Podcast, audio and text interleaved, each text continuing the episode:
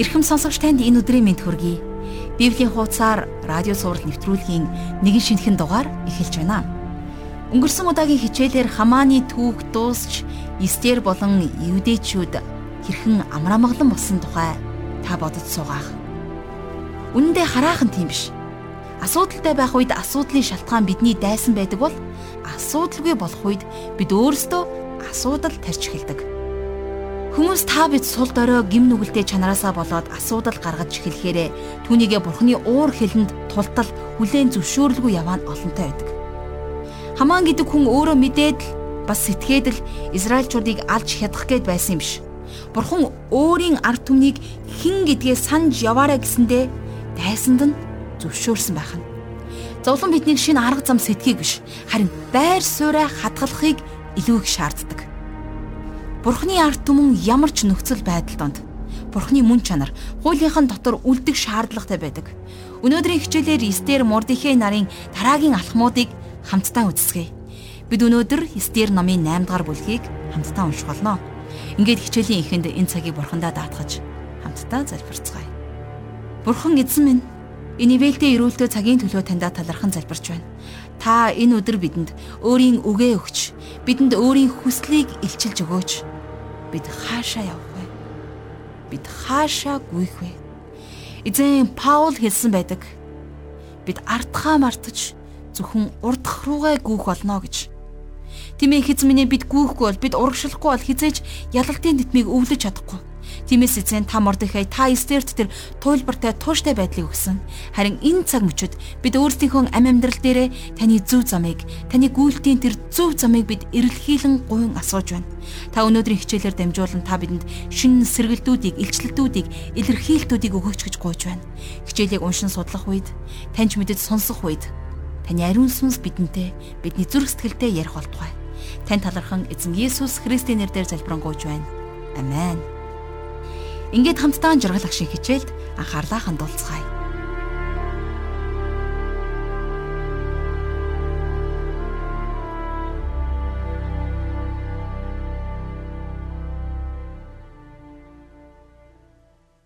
За өнөөдөр бид хамтдаа Эстер номын 4-р бүлгээс үргэлжлүүлэн үзэх гэж байна. Тэгэхээр хэрвээ та санаж байгаа бол өнгөрсөн хичээлээр бид нар хамтдаа хорон муус санаад хамаана За урд нь Мордехайг дүүжлэхээр бэлдсэн байсан дүүжлүүртээ өөрөө дүүжлүүлж өгсөн тухай үздсэн байгаа тийм ээ. За хэдийгээр михт мэхэндээ гихчээр хамаан амиа алдсан ч гэсэн евдээчүүдийн дээр нүүрлэд байсан аюул занал хараахан арилаг байсан. Евдээчүүдийг үндэстнэр нь хөнөх хааны зарлиг хүчинтэй хിവэрэ байсан гэсэн үг. Тэгэхээр Мед Персийн хуулиар нэгэнд гарсан зарилгийг цуцлах боломжгүй байсан гэж бид өмнөх хичээлүүдээр ярьсан тийм ээ. За харин одоо түүх хэрхэн өрнөхийг өнөөдрийнхөө хичээлээр хамтдаа үздэцгээе. За ингээд Эстер номын 8 дугаар бүлгийн 1-ээс 2 дугаар ишлэл. Тэр өдөр евдэчүүдийн дайсан Хамааны гэрийг хаан Ахишврош хатан Эстерт өгсөн бөгөөд өөрийнх нь хувьд Мордихай хэн байсныг Эстер илчилсэнд Мордихай хааны өмнө ирлээ. Хаманаас авсан тамгад бөгжөө хаан суглан авч Мордихайд өгөв. Эстер Мордихайг Хамааны гэрийнхний захирагчаар томилвоо гэсэн байна. Занхудаага Эстер хатан Мордихайг өөрийнхөө өргөж авсан эцэг гэдгийг хаанд хэлсэн байгаа. Хамаанд мөхийн яслахоос татгалзаж энэ бүх хэрэг явдал өрнөх шалтгаан болсон хүн нь Мордихай байсныг та санаж байгаа бох тийм ээ. Тэгэхээр хааны хувьд болвол өөрийнхөө тамгад бүгжийг тайлаад Мордихайд өгсөн байна. За энэ бүлцэг болвол маш чухал бүгж байсан.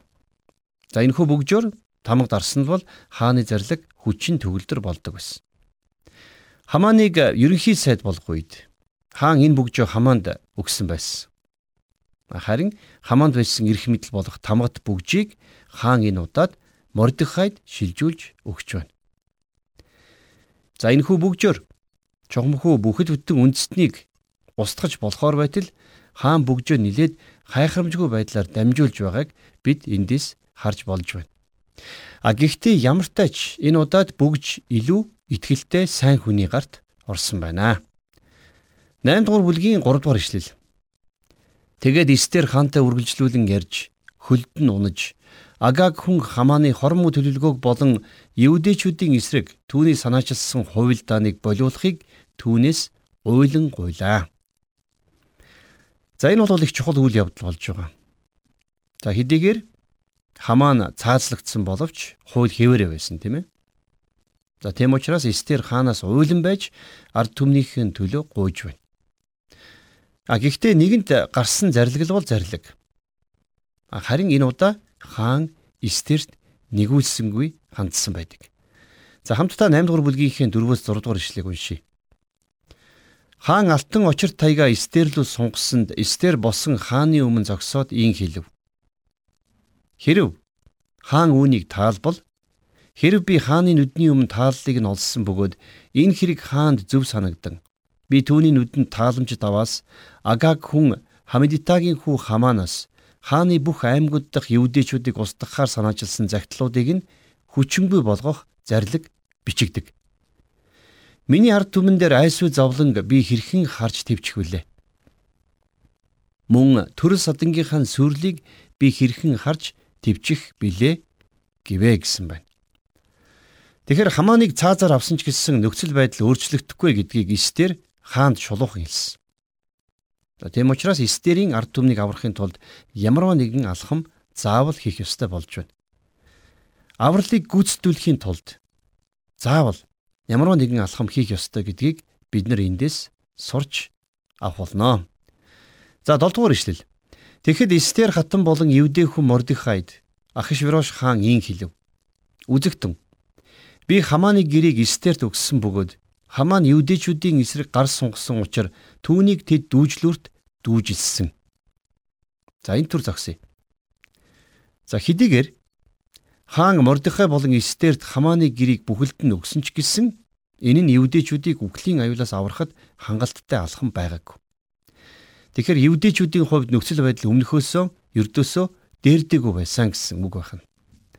За тэгээд үргэлжлүүлээд 8 дугаар эшлэл дээр Одоо та нар хааны нэр дээр евдээчүүдэд хандан хүсснээ бичиж хааны тамгад бөгжөөр лацад. Учир нь хааны нэр дээр бичигдсэн хааны тамгад бөгжөөр лацдсан зарлиг нь хүчингүй болдоггүй. За ингээд хааны энхүү тушаалын дагуу Мордехай ард түмний аврах алхмыг хийсэн байна. 8 дугаар бүлгийн 9 дугаар ишлэл. Тэгээд тэр цагт буюу Сиван хэмээх 3 дугаар сарын 23-ны өдөр хааны гүүш нарыг дуудаж Евдэчүүдэд Мордихан тушаасан бүгдийн дагуу Энтхгээс Этиоп хүртэлх 127 аймгийн захирагчид засаг ноёд болон ноёдод аймаг бүрийнх нь бичиг үсгээр ард түмэн бүрийнх нь хилээр мөн Евдэчүүдэд өөрсдийнх нь бичиг үсэг болон хилээр бичүүллээ. За бичээч нар энд Мордихан боловсруулсан хааны зарилгийг бүх хил рүү хөрвүүлж хаант улсын өнцөг булан бүрт аймаг болгонд илгээсэн байна. За энэхүү зарлиг чухам яг ямар агуулгатай байсан юм болоо. За энийг хамтдаа 10-аас 12 дугаар ишлэлээс уншиж болохоор байна. Тэрээр хаан Ахишвирошийн нэрээр бичиж хааны тамгад бөгжөөр лацдан загтлуудыг хааны мордийн жүчээний хурдан хүлгүүдийг унсан зарлагуудаар илгээв. Эдгээртээ хаан хот бүрт буй өвдөөчүүдийг цуглан амиа хамгаалах мөн өөрсөд рүү довтлох аль ч ард түмэн аймгийн хүчит хүмүүсийг байтугай тэдний хүүхэд багчууд ихнэрүүдийг устгах алах хүйс тэмтрэх мөн тэднээс олзыг тонон дээрэмдэх эрхийг Ахишврош хааны бүх аймагт нэг өдөр буюу 12 дугаар сарын 13 дахь өдөрт олговоо гэсэн байна. За хааны хуучин зарлиг өөрчлөгдөх боломжгүй байсан. За тийм учраас энэхүү хуучин зарлиг бол хэвээрээ үлдсэн байна. А гэхдээ энэ зарлигийг өөрчлөлгүйгээр евдээчүүдийг аврах өөр нэгэн зарлигийг тэд баталж илгээж байна. Хааны энэхүү шин зарлигийн дагуу болвол за хааны бүх арим, бүх хүч тэр чигээрээ одоо евдээчүүдийн талд зогсох болж байна. За энэ зарлиг нөхцөл байдлыг 100% эргүүлсэн байна. Уйлан гашуудж байсан евдээчүүдэд гинт баяр хөөр ирсэн байна, тийм ээ. За хамааныг цаазалсны даруйд Эстер хатан Ахишврош хаантай уулзаж ард түмнийхэн төлөө өршөөл гуйсан юм. Тэгэд маш удалгүйгээр хааны ордноос хааны тамхтай бөгжөөр тамгалсан шин тушаал хаант улсын өнцөг булан бүрлүү тараагдж байна. Тухайн үеийн Перс улсын захиргаанд олон янзын үндэстэн, олон янзын хилтнүүд багтдаг байсан юм. Тиймээс тэдгээр бүх хил рүү хааны зорилгыг хөрвүүлэн явуулсан. За тухайн үеийн Персийн захиргаанд байсан 127 мужи руу хааны зорилгыг хөрвүүлж хил тос бүр дээр нь за магадгүй хэдэн зуун хувь хувилсан баг. Тэгээд энэхүү мэдээг тараахын тулд тухайн үедээ байж болох бүхий л тээврийн хэрэгслийг ашигласан. Мориор, тэмээгээр, илжгээр, за усан онгоцоор гэл бүх тээврийн хэрэгслэр энэхүү зарилгийг улс орон даяараа тараасан байна. Арабын элсэн цөл, Тигр, Ефрат мөрнөөс эхлээд алс солын энтхэг хүртэл хааны зарилгийг тарааж байна. За мөн тухайн үед Африкийн зарим нутаг Перс улсын харьяанд багтаж байсан. За тиймээс Африк руу хүртэл энэ зарлиг илгээгдсэн байж таархаар байна. Улаач нар энэ зарилгийг аль болох хурдан тараах ёстой байсан. За хэрвээ евдээчүүд энэ мэдээг хүлээн авч итгэх юм бол тэд аврагдах ёстой байсан юм а. Тэгэхээр энэ түүх болвол яахын аргагүй Библиэл дээрх авралын тухай хамгийн гайхамшигтай зураглалуудын нэг гэж би хувьдаа боддог. Тэгэхээр хуучин гэрээний яг энэ түүхтэй параллел нэгэн гайхамшигтай авралыг бурхан бидэнд өгсөн гэдгийг та бид нар мэднэ. Тухайлах юм бол 1-р Коринтын 10-р бүлгийн 11-р ишлэлдэр энэ бүхэн жишээ болон тэдэнд тохиолдсон бөгөөд үүнийг үеийн төгсгөл тохиож буй бидэнд сануулга болон бичжээ гэж Паул хэлсэн байдаг юм. Хаан болох бурхнаас нэгэн зарлиг гарсан. За энэ хүү зарлиг болвол Изекиэл номын 18 дугаар бүлгийн 4 дугаар ишлэлдэр бичигдсэнчлэн нүглийг үйлдэгч ам үхэх болно гэсэн зарлиг байсан. За энэ бол хин нэгэн алуурчин дээрэмчин ямарваа нэгэн гимт хэрэгтэй хүнтэй холбоотой биш харин бүх хүмүүстэй холбоотой зарлиг байсан. Та санаж байна Ромын 3-ын 23 дээр хэлэхдээ бүгд нүгэл үйлдсэн тул бурхны алдар сууд хүрдэггүй гэсэн байдаг. За бас дээрэс нь Исаи номын 64-ийн 6 дугаар ишлэлдэр Бид бүгд бузар хамаг зөвхт байдлууд маань бохир хувцс мэт. Бид бүгдээрээ навч мэт хатан хорчиж хилэнц маань биднийг салхи мэт хийсгнэ гэсэн байдгийг. Тэгэхээр бид нар бурхны өмнө төгс болох боломжгүй учраас авралыг авах ямар ч боломжгүй байсан гэсэн үг. А гэтэл нөгөөтэйгэр бурхан төгс бус гим нүгэлтэй хүмүүсийг бас аврах боломжгүй. Бурхан өөрийнхөө төгс шалгуурыг төгс бус бидэнд тааруулан доошлуулах боломжгүй шүү дээ. Тийм л учраас хүн төрлөختөнд авралыг авах ямар ч найдвар байгаагүй. Энэ бол бидэнд байсан хамгийн ноцтой асуудал байсан. Бид бүгдийн асуудал өөр хин нэгэн хүний дотор биш. Харин бидний өөрсдийн сэтгэл дотор байдаг. Бидний гим нүгэлтэй бохирдсан зүрх сэтгэлээс бүх бузар мөн ундран гарч байдаг. Энэ дэлхий бүхэлдээ бохирдсан дэлхий болж хувирсан. Зөвхөн агаар бохирдсан эсвэл ус хөрс бохирдсон юм биш.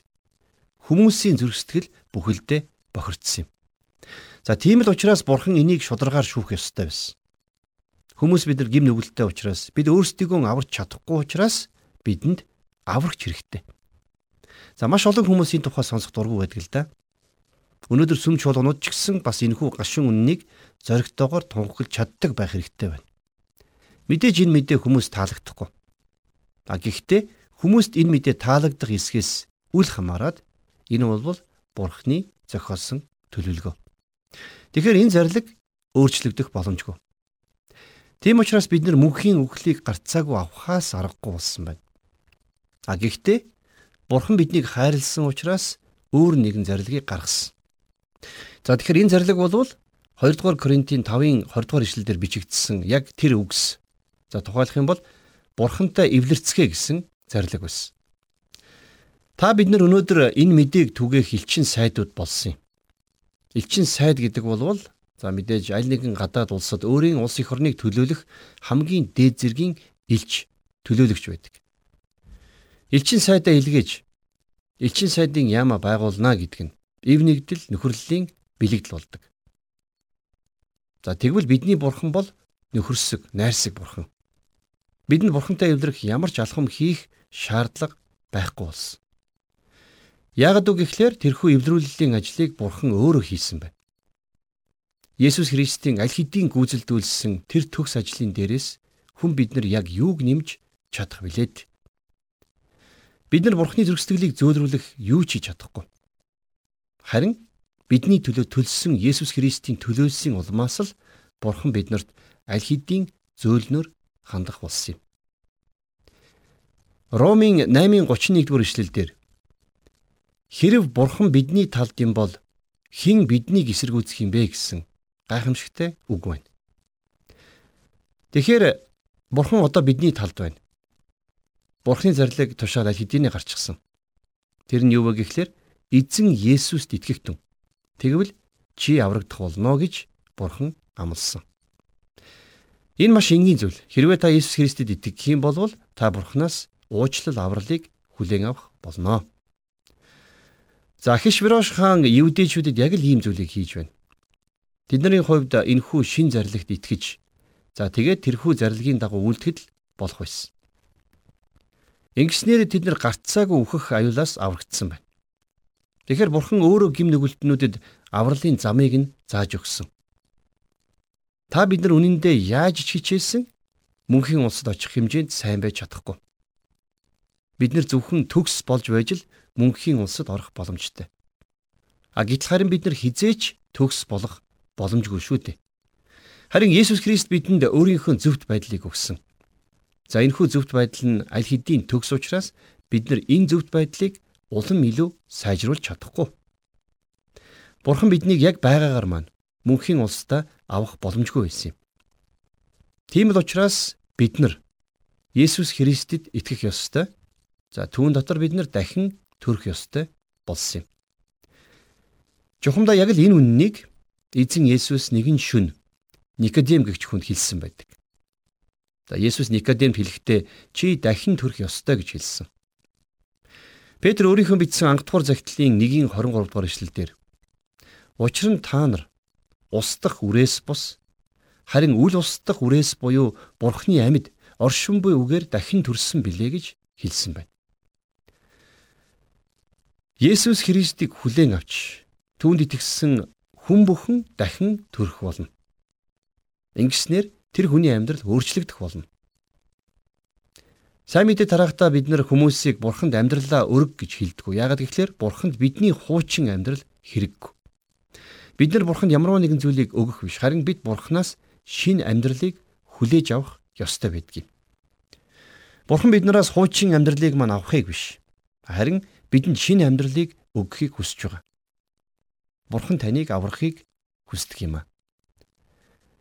Тэгэхээр хааны зарлагын дагуу евдээчүүд бүгд устгагдах ёстой байсан. А гэхдээ хааны өөр нэгэн зарлаг гарснаар тэд нар харин одоо аврагдах боломжтой болсон байна. Хаан одоо тэдний талд болсон. За бид нар ч гэсэн бас энэний нэгэн адилаар Бурхан бидний талд байгаа гэдэгт итгэх хэрэгтэй. Та бид нар бол одоо Бурханы элчин сайд нар. Тийм учраас бид нар бусад хүмүүст хандаж Бурхантай эвлэрцгээ гэж тунхаглан хэлэх ёстой. Яагад гэвэл бурхан та бидэнтэй эвлэрсэн юм шүү дээ. За үргэлжлүүлээ 8 дугаар бүлгийнхээ 13-аас 14 дугаар ишлэгийг уншийе.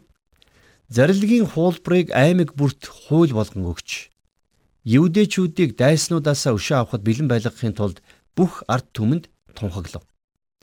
Хааны зарилгаар дайчлагдсан зарлагууд яарвчлан хааны хурдан хүлгүүдийг унаж гарцгаав.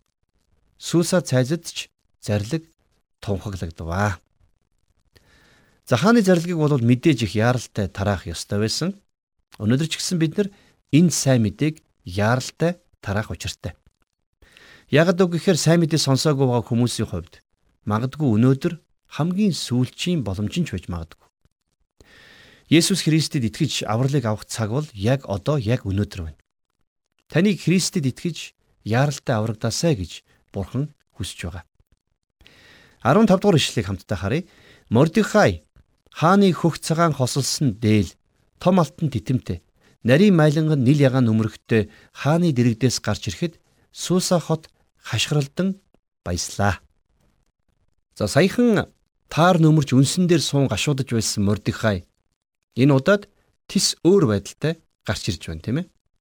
За тэрний энэ сүр жавхлантай байдал хааны шин зарилгийг улам баттгаж өгсөн. Тийм учраас хот даяар хүмүүс баярлан хашгиралдаж байна. Хамааны зарлиг уу гашууг авчирсан байсан болвол харин Мордехайн төлөвлөсөн хааны шин зарлиг ард түмэнд баяр хөөргийг авчирч байна, тийм ээ. Тэгэхээр аврал таны амьдралд баяр хөөргийг авчрах болно. Хүмүүс амьдралдаа баяр хөөргийг мэдрэх гэж янз бүрээр оролддог л доо. Тэд нар шөнийн цэнгэний газруудаар явж баярлаж цэнгэхийг хүсдэг. За магадгүй их мөнгө үрж шүнжин наргиж болно. Гэхдээ тэр наргийн цэнгийн өглөө гэхэд дуусна. Харин жинхэнэ баяр хөөр бол хизээч алга болдог. Тэр баяр хөөр зөвхөн Есүс Христээс л ирдэг юм. 16 дугаар ишлэл. Евдэчүүдэд гэрэл гэгээ баяр хөөр баясгалан хүндэтгэл байв гэсэн байна. За бурхан бидэнд гэрэл гэгээг бэлгэлдэг. Есүс бол энэ дэлхийн гэрэл. Тэр бол энэ дэлхийн баяр хөөр, баясгалан бас хүндэтгэл. Есүс гим нүгэлтэд та бидний төлөө амиа өгсөн. Түүнд итгэх амьдралаараа бид энэ бүхнийг хүлээж авдаг. Тэр цагт бид нар энэ дэлхий дээр завх дээгүүр алхаж чадна тийм ээ. Тэгэхээр өнөөдөр бидэнд үнэхээр баяр хөөр хэрэгтэй байна. Та баяр хөөртэй байгаа юу?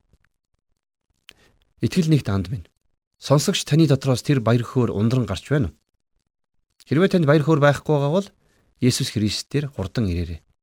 Тэр танд баяр хөөргийг дүүргэн өгөх болно. 17 дугаар ишлэгийг хамтдаа уншийе. Хааны тушаал болон зарлиг хүрсэн аймаг хот бүрт газар бүхэнд евдээчүүдэд баяр хөөр, баясгалан, найр, ёслолын өдөр боллоо. Евдээчүүдээс айх айдас дээр нь нөмөрсөн тул нутгийн ард олны олонх нь евдээчүүд болвоо гэсэн байна. За энд нэг сонирхолтой үйл явдал болж байна тийм ээ. Евдээчүүдээс айх айдас дээр нь нөмөрсөн учраас нутгийн ард олны олонх нь евдээчүүд болвоо гэсэн байгааг бид сайн уншсан. За энэ дээр өөрөөр хэлэх юм бол олон хүмүүс евдээчүүдийн итгэлд дагаар орсон гэсэн үг. Евдээчүүдийн амьдрал тохиолдсон энэ онцгой үйл явдал олон олон хүмүүсийн хувьд бурхныг таньж мэдэх, бурханд итгэж найдах боломжийг олгосон байна. За тэгвэл яг энэний нэгэн адилаар итгэгч та бидний амьдралаар дамжуулаад бурхан гайхамшигтай ажлуудаа хийх болно.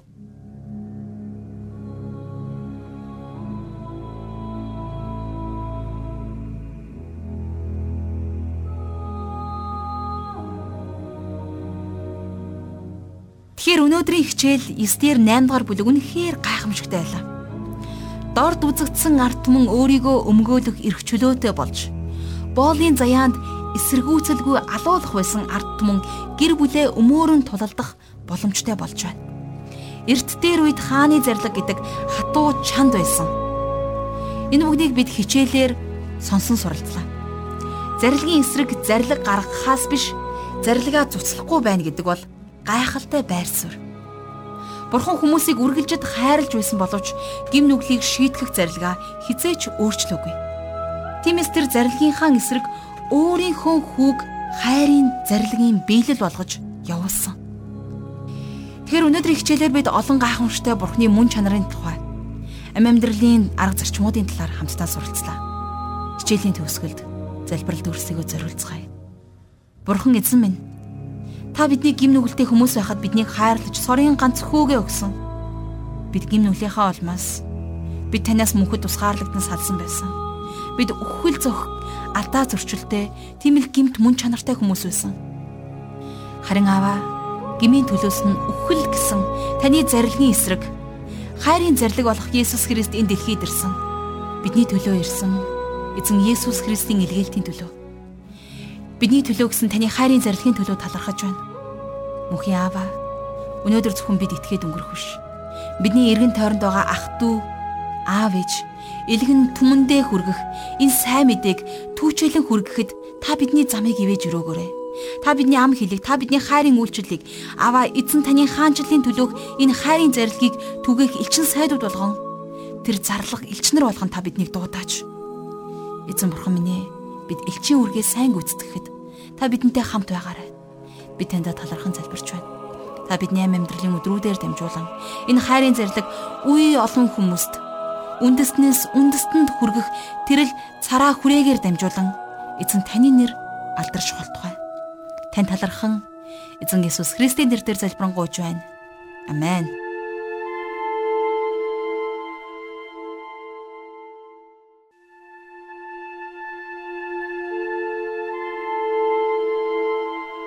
Библийн боловсрол олгох, Библийн хуудасаар нэвтрүүлэг танд хүрэлээ.